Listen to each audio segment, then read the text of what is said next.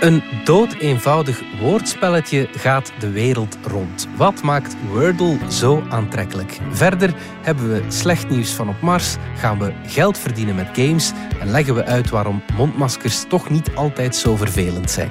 Het is vrijdag 21 januari.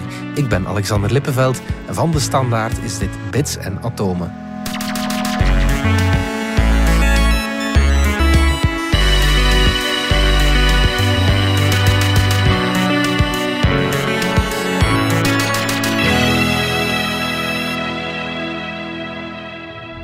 Pieter van Doren, wetenschapsjournalist en Dominique Dekmijn, technologiejournalist.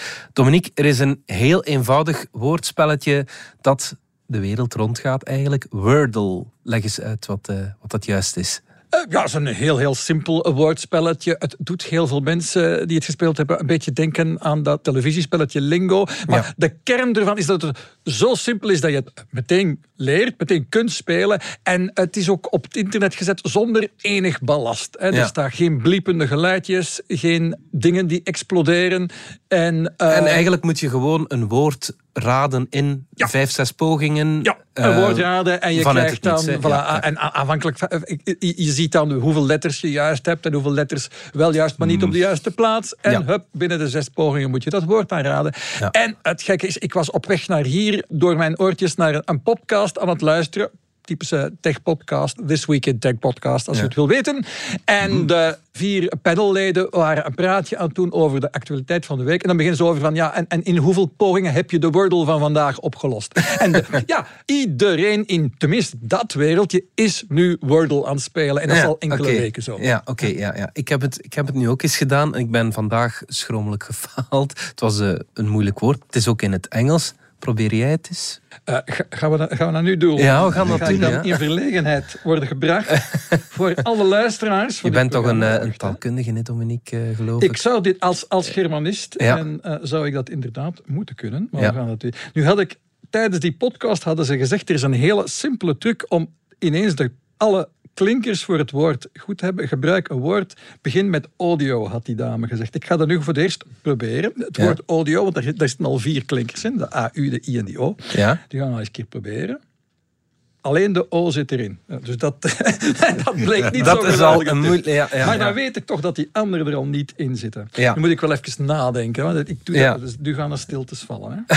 dat, is, dat, is, niet erg. Uh, ik probeer power. Dus je moet best een flinke woordenschat in het Engels hebben. blijkbaar heeft iemand intussen een Nederlandse versie gemaakt. Maar het hele punt is, het spel is heel gemakkelijk na te maken. En heel veel mensen hebben het al nagemaakt. Maar dan zonder dat die man, de man die het mhm. ontwikkeld heeft, Josh Wardle, een klein beetje de bekendheid, eh, heeft, heeft lang bij Reddit gezeten. Mhm. Dus hij weet precies hoe dat je iets heel viraal moet ontwikkelen. Mhm. Maar heeft naar eigen zeggen dat helemaal niet gedaan voor Wordle. Heeft alles anders gedaan net niet alle trucken die iets verslavend of, of, of viraal maken. Mhm. En net daarom is het bij heel veel mensen aangeslagen. Kijk, ik ga nu het woord power invullen. Kijk, ik heb de P op de juiste plaats en ik heb al een O en een R. Bij de tweede poging, ik zou zeggen dat ik niet, niet slecht bezig ben. Dus ik heb al drie letters waarvan één op de juiste plaats. Nu moet ik gaan nadenken. Want er zit dus geen andere klinker in. Dus dan moet er al bijna een Y in zitten. Hè? Ik begin met een P. In ieder geval, dat weet ik. De eerste letter is een P. En dan op een bepaald moment komt er een R in. Dus dat zou het kunnen met een prr zijn. Dat gaan we aan proberen. Prone. Prose. Prone. Proza. ja, Nee, prone kan niet. Uh, pro, nee, want er zit geen uh, in. Dus prosie. En een A zit er ook niet in. Proza-achtig, prosie. Ja. Ik ga het in ieder geval proberen, maar volgens mij bestaat het woord niet. Prosie. Als het woord niet bestaat, kan je het niet invullen. Het is uh, pro en de, de, S is fout. alles is juist. Het is pro ik moet maar één letter raden. Wat bestaat er nog allemaal? Pro, wacht, weet ik wel? Nee, ik heb geen andere letter. Dus ik moet pro... Geen idee. Key? Pro... Pro... V? Pro... B? Proni? Proni? Promi? Pro, Procy? Ja, Promi van Promise, maar... Ik denk dat je één letter van het alfabet nog niet gezegd heb. En ik weet dat dat de juiste proxy! is. Ah, proxy! Het is godverdomme proxy! Ja, een X, een X, inderdaad. Het is een proxy. Voilà. Voilà. Goed, proficiat Dominique. Je hebt het. Gaan we even kijken. En we hebben hem op op 4. Wat is absoluut niet slecht. Meestal heb ik hem op vijf of zes. Ja, ik eerlijk zijn, één Ja. keer op drie. Ja, oké. Ja, ja, kijk, ja, dat is al. Ja. Het bijzondere, Dominique, is dat je het maar één keer per dag kan spelen. Hè? Dat, Ja, precies. hè. Je Ja, kunt er niet in meegesleurd worden. Dat geeft een veilig gevoel. Dus ik heb zelf een, een, een reflex om weg te blijven van verslavende spelletjes. Mhm. En dus eigenlijk van alle spelletjes, want die zijn allemaal bedoeld om je zo lang mogelijk aan het spelen te houden. En hier zeg je, nee, ja, één keer per dag is leuk. En net dat maakt het juist viraal en verslavend. Want je wil Ja. het ook elke dag doen. Ja. En tegen elkaar zeggen dat je het gedaan hebt. Ik merk ook dat de meeste mensen die het heel leuk vinden van...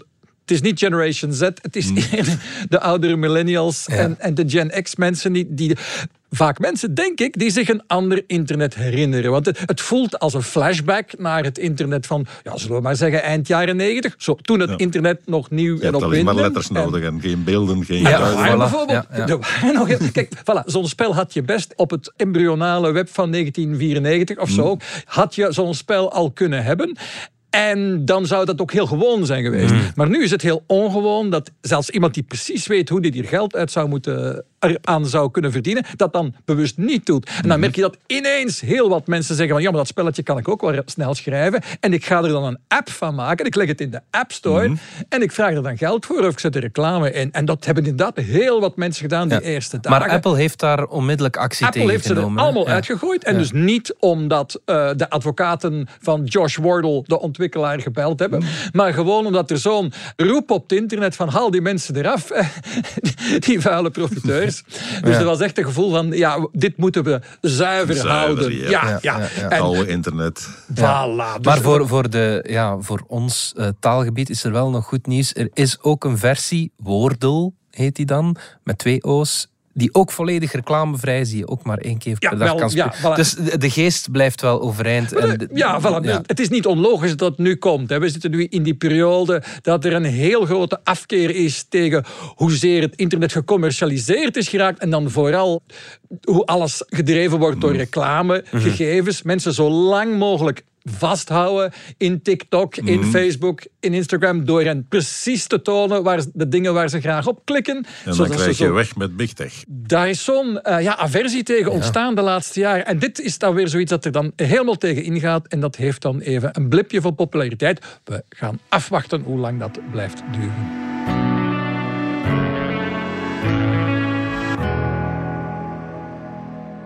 Nu naar een andere planeet. Vier letters, begint met een M, Pieter.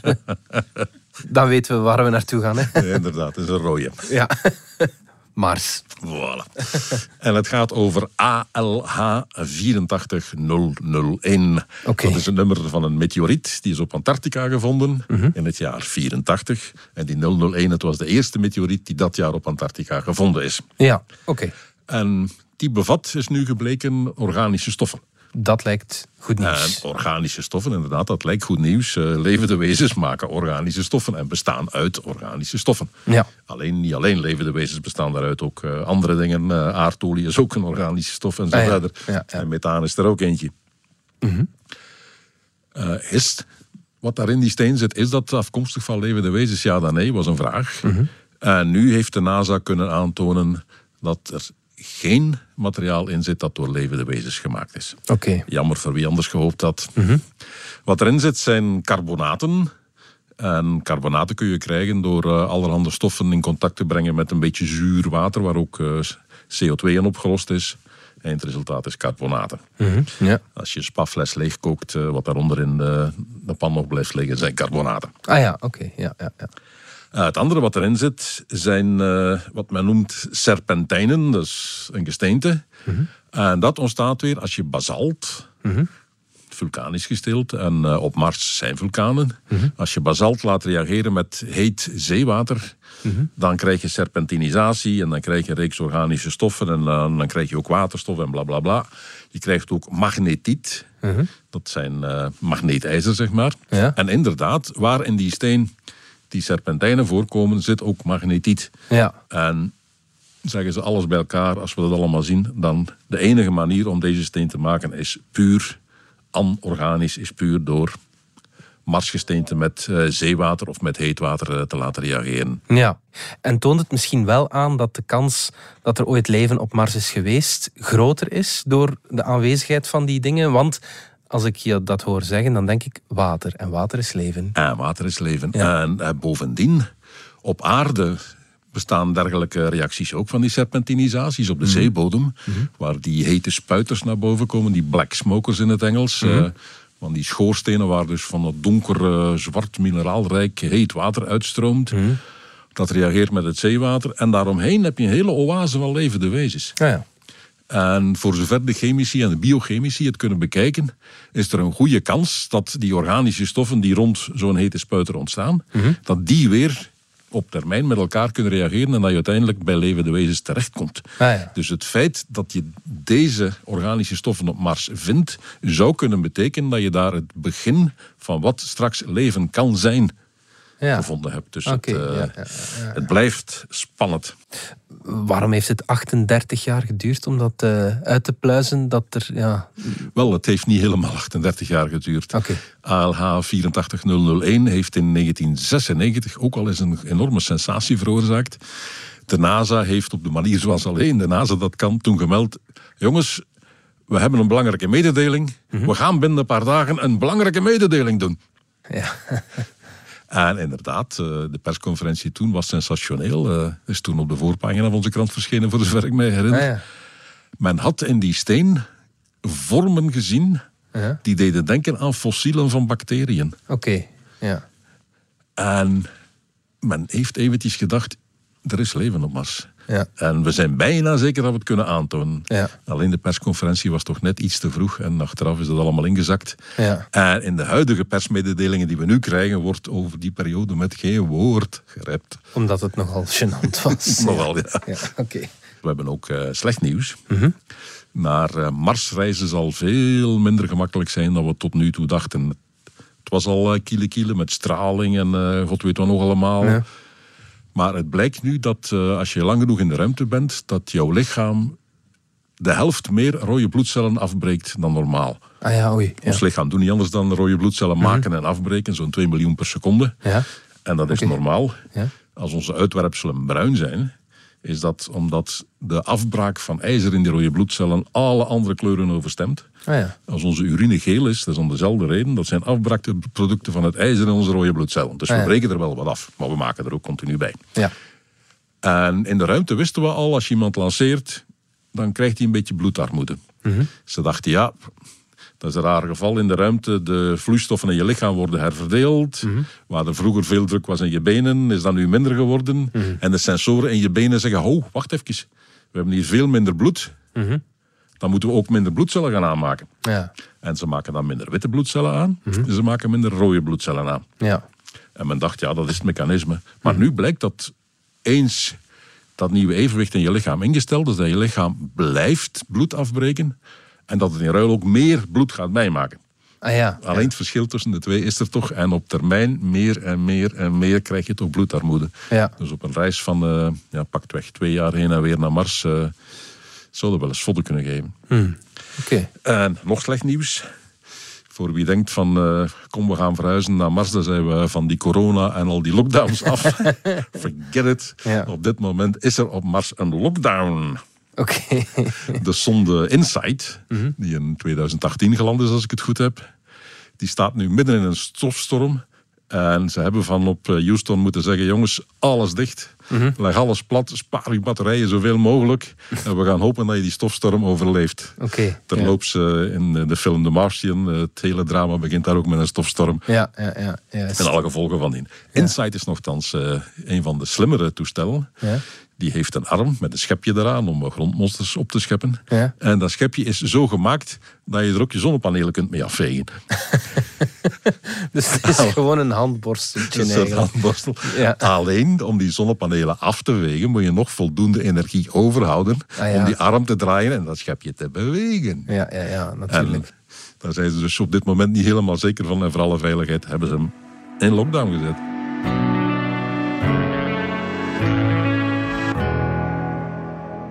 Dominique, we blijven in de gamewereld vandaag, want je hebt een manier gevonden om, ja, om geld te verdienen. eh. Het is te zeggen, Alexander, deze heb ik niet zelf gedaan.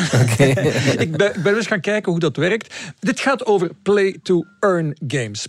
P2E wordt dat soms afgekort, play-to-earn games. Het idee dat we met spelen van videogames geld gaan verdienen.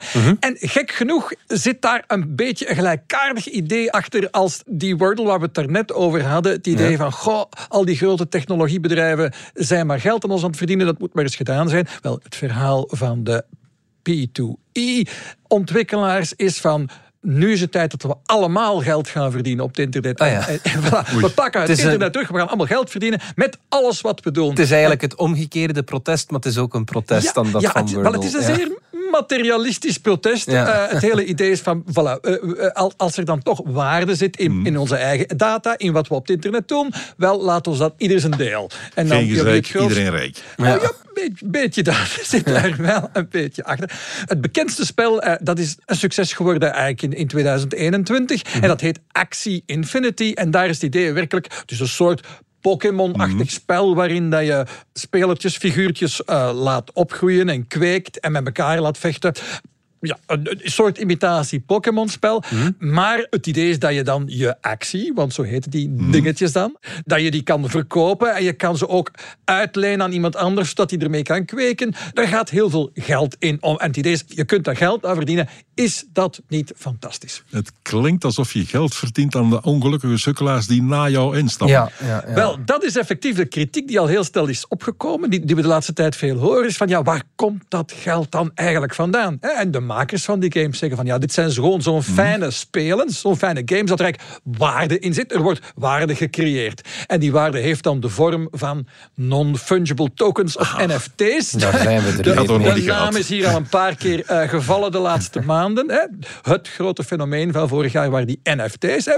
We gaan vastleggen dat ik de eigenaar ben van die toverbijl in dat spel. Of van die eh, gouden ketting. Of, eh, Of dat wo- schild, of wat dan ook. schild- Ja, ja, schilden en zwaarden, dat soort game items. Ik leg dat vast in een blockchain, hè, in zo'n onveranderlijk geëncrypteerd register. Dan weet iedereen dat het van mij is.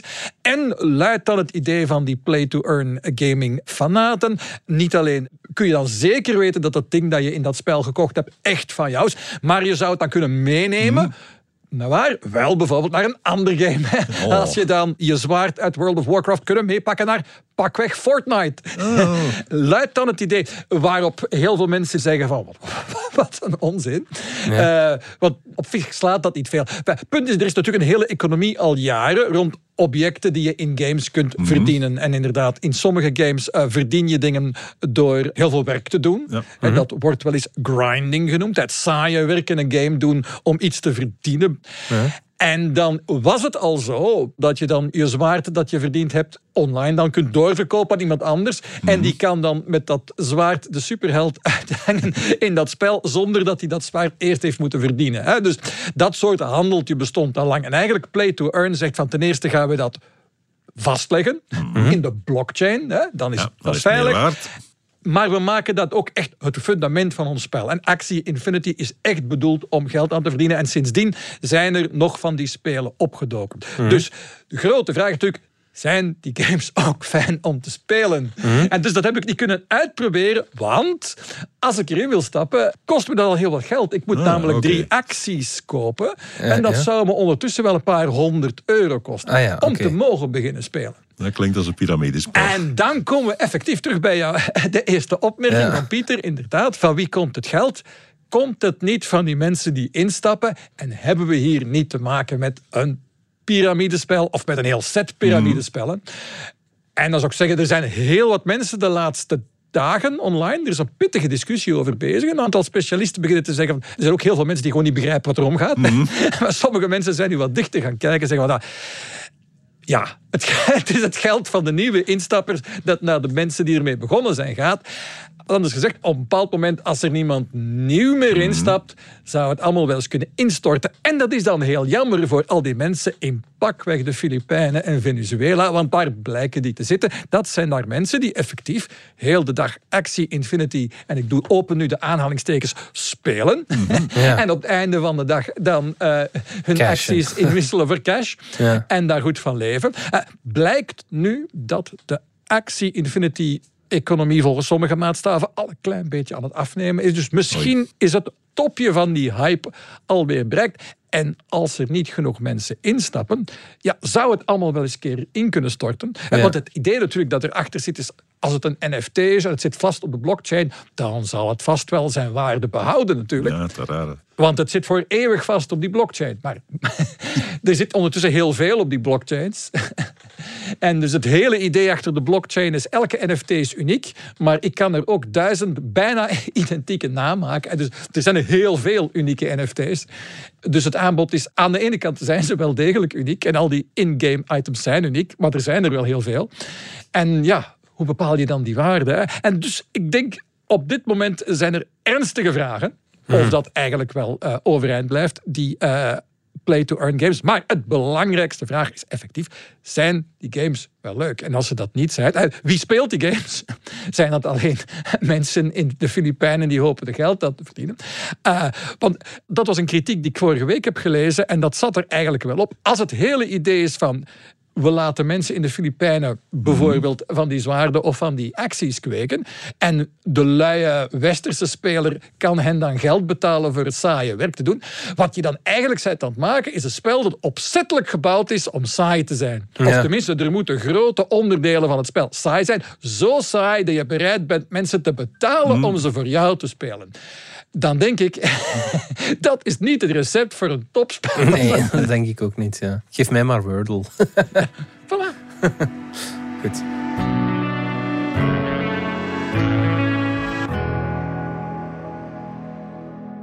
Pieter, we lopen al anderhalf jaar rond met een eh, mondmasker. En dat Ja, heeft jammer. blijkbaar eh, een effect op hoe mensen je, ja, je zien.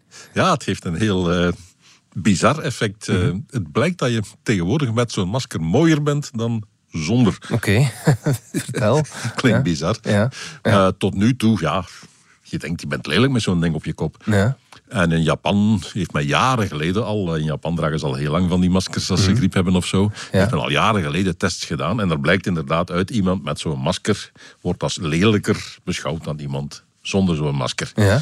Die eh, heeft minder kans in het eh, huwelijksspel, zeg maar. Dan Ah ja, oké. Ja, ja, ja.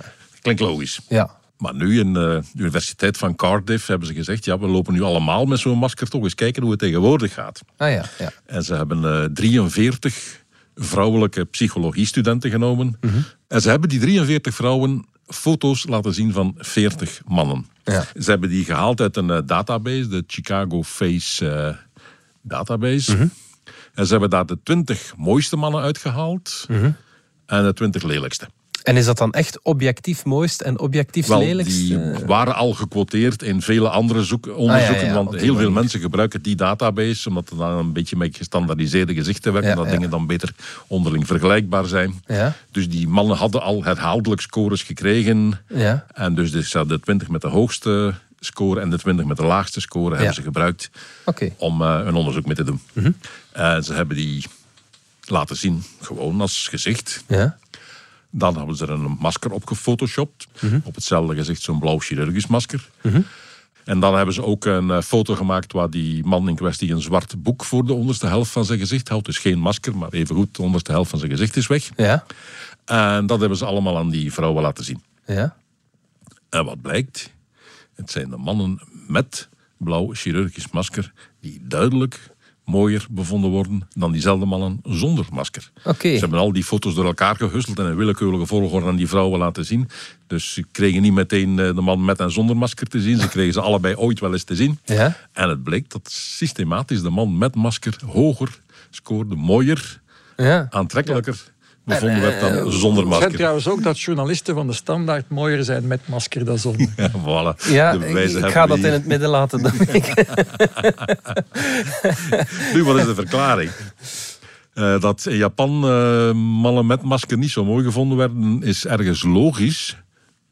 Want daar was een masker een signaal van ziekte. Je deed een masker aan als je ziek was. Ja. Nou, goed, eh, een zieke man is minder sexy dan een eh, gezonde man, dat kunnen we Ja. wel aannemen. Ja, ja, ja. Hier is het net andersom. Mhm.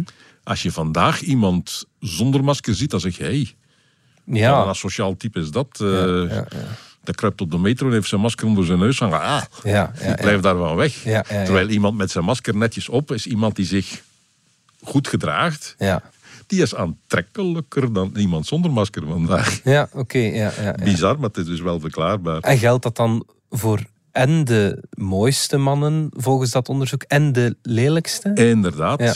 Want een van de redenen waarom je zou kunnen denken dat mannen mooier zijn met een masker op hun gezicht is als ze van zichzelf lelijk zijn of hun gezicht staat vol acne. Je doet dat masker op en die acne is weg. Ja, ja, ja. ja. Dat je dus als lelijke man voordeel zou kunnen hebben met zo'n masker. Maar het zijn zowel de lelijke mannen als de mooie mannen die met masker nog mooier zijn. Ah ja, oké. Ja. Dus als je buiten gaat straks, je weet wat je moet doen.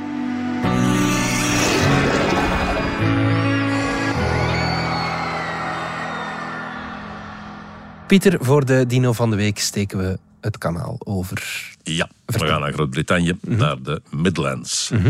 En daar is de grootste ichthyosaurus ooit in Groot-Brittannië gevonden, gevonden. En die is ook een van de grootste ter wereld en een van de meest complete ter wereld. Dus echt wel een eh, hele leuke Mooie vondst, ja. mooie ja, ja, vondst. ja, ja. Die is gedaan in de Rutland Water natuurreservaat. Ja. En in het midden van het natuurreservaat ligt er ergens een, vennetje, een meertje. En een van de beheerders van dat reservaat was eh, vorige winter op wandel met de groene laarzen aan, lekker door de modder baggeren. En plots ziet hij daar eh, een heel raar bot liggen, een wervel, een serieuze, grote wervel. ja. Hey, wacht even, dat, dat ziet er met een dinosaurus uit. Heeft eh, specialisten laten komen en inderdaad, het was dus een wervel van zo'n eh ichthyosaurus, een eh, zwemmende tijdgenoot van, van de dino's. Ziet er een beetje uit als een dolfijn op steroïden. Ja. 10 meter lang. Echt wel een joekel. Ja, ja, ja. Ze wilden die opgraven, maar het was midden in de winter en in dat natuurgebied zat het vol met eh, trekvogels die daar overwinterden. Ah, ja. Dus, dat hebben ze moeten niet, wachten ja. tot eh, augustus eh, vorig jaar eerst dat ding konden opgraven. Ja. Bleek inderdaad zo'n joekel te zijn. De kop alleen al is zo groot als een mens, weegt een ton. Wauw, ja, oké. En nu hebben ze hem dus helemaal boven gehaald. En nu zijn ze geld aan het verzamelen in de hoop dat dat ding in de Midlands kan blijven. En dat het niet naar Londen, naar het National History Museum gaat. Ja, ja, waar ze er nogal wel een paar liggen hebben. Ja, ja. Maar dat zullen we moeten afwachten. Ja. Voorlopig heet hij Temnodontosaurus trigonodon. Ja, Maar dat kan nog veranderen. De specialisten zijn nog bezig. ja. Dus we houden niet op de hoogte als dat nog verandert. Ik vind het altijd opvallend dat iemand toevallig op een dino-reptiel stoot, want dan moet je toch wel gigantisch veel geluk hebben. Hè? Ja, ik krijg Ja. natuurlijk alleen de verhalen te horen waar dat zo is. Al Ja. die andere mensen die ook overal doorheen baggeren en niks vinden, ja, die komen niet in de pers En natuurlijk. zo zijn er veel meer, denk En ik ik. vrees dat er zoveel meer zijn. Ja. Het eh, blijft een zeldzaamheid om een eindje te vinden. Dit is echt wel een zeldzaamheid. Het eh, meertje in kwestie is eh, toen het reservaat aangelegd is in de jaren 70, is gegraven geweest. Ja, ja. Dus bij dat graven moeten ze op centimeters na, net naast dat skelet gegraven hebben. Ja, ja. Zodanig dat het tegen de oppervlakte aan lag te wachten tot die meneer met zijn groene laarzen erover struikelde. Dit was Bits en Atomen, de wekelijkse podcast over wetenschap en technologie. Bedankt voor het luisteren. Ken je trouwens DS Podcast al, de podcast-app van de Standaard? Dan luister je niet alleen naar onze journalistieke reeksen, je krijgt ook elke week een eigenhandige selectie van de beste nieuwe podcasts op de markt. Alle credits van de podcast die je net hoorde vind je op standaard.be-podcast. Reageren kan via podcast.standaard.be. Volgende week zijn we er opnieuw.